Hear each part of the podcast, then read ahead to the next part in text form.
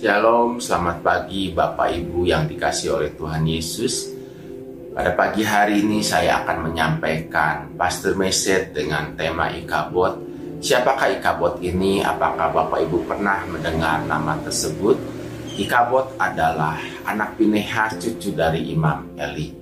Kita dapat mengetahui ketika membaca dan merenungkan firman Tuhan yang ada di dalam 1 Samuel pasal keempat dengan perikopnya yang berjudul Tabut Tuhan dirampas. Peristiwa ini terjadi ketika orang Israel maju berperang melawan orang Filistin. Dalam dua kali pertempuran tersebut, orang Israel terpukul kalah.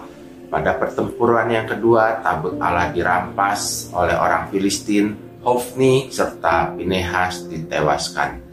Demikian pula dengan Imam Eli ketika disebutnya tabut Allah itu dirampas, jatuhlah Eli telentang dari kursi di sebelah pintu gerbang, batang lehernya patah dan ia mati sebab telah tua dan gemuk orangnya.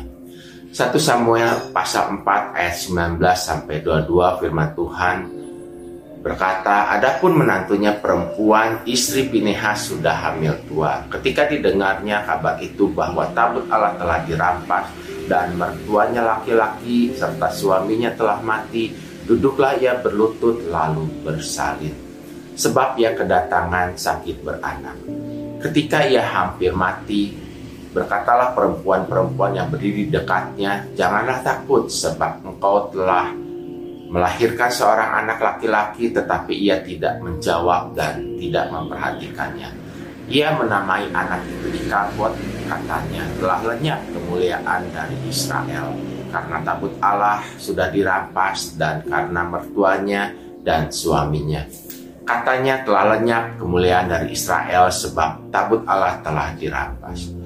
Kemuliaan Allah berbicara mengenai suatu keadaan di mana keagungan Tuhan, kedahsyatan Tuhan, kehebatan Tuhan tidak dapat dinyatakan di tengah-tengah kehidupan orang Israel. Mengapa? Karena dosa. Kehidupan Imam Eli yang tidak tegas dalam mendidik anak-anaknya yaitu Hofni dan Pinehas mengakibatkan mereka tumbuh menjadi anak-anak yang jahat di mata Tuhan. Tiga hal yang dilakukan oleh anak-anak Eli tercatat di dalam firman Tuhan. Yang pertama di dalam 1 Samuel pasal kedua ayat yang ke-12 firman Tuhan berkata, Adapun anak-anak Eli adalah orang-orang dursila. Mereka tidak mengindahkan Tuhan. Kata tidak mengindahkan berarti tidak menghormati Tuhan. Hidupnya tidak takut dan tidak taat akan Tuhan.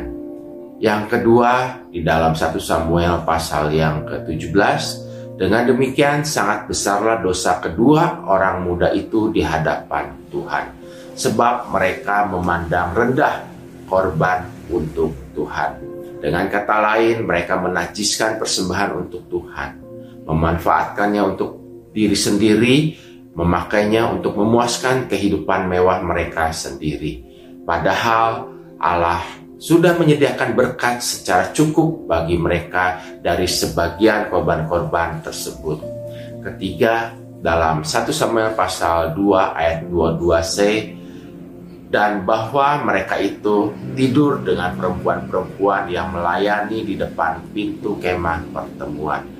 Mereka tidak menjaga kekudusan dalam berumah tangga, tidak setia pada pasangannya. Biarlah pada pagi hari ini kita semua boleh belajar dari kehidupan keluarga Eli, bagaimana kita harus hidup dengan benar di akhir zaman ini, menghormati Tuhan di mana pun kita berada hidup taat, tetap setia sampai menutup mata. Senantiasa meminta hikmat dan pengertian dalam apa pun yang kita lakukan, baik itu usaha atau pekerjaan kita. Karena tanpa Tuhan kita tidak mampu menjalaninya sendiri. Biarlah mengawali tahun-tahun ini, tahun 2024, kita sama-sama uh, boleh menjadi pelaku firman Tuhan dan menjadi umat yang layak bagi Tuhan. Demikian Pastor Meset pada pagi hari ini. Selamat pagi, selamat beraktivitas. Tuhan Yesus memberkati kita semua. Haleluya. Amin.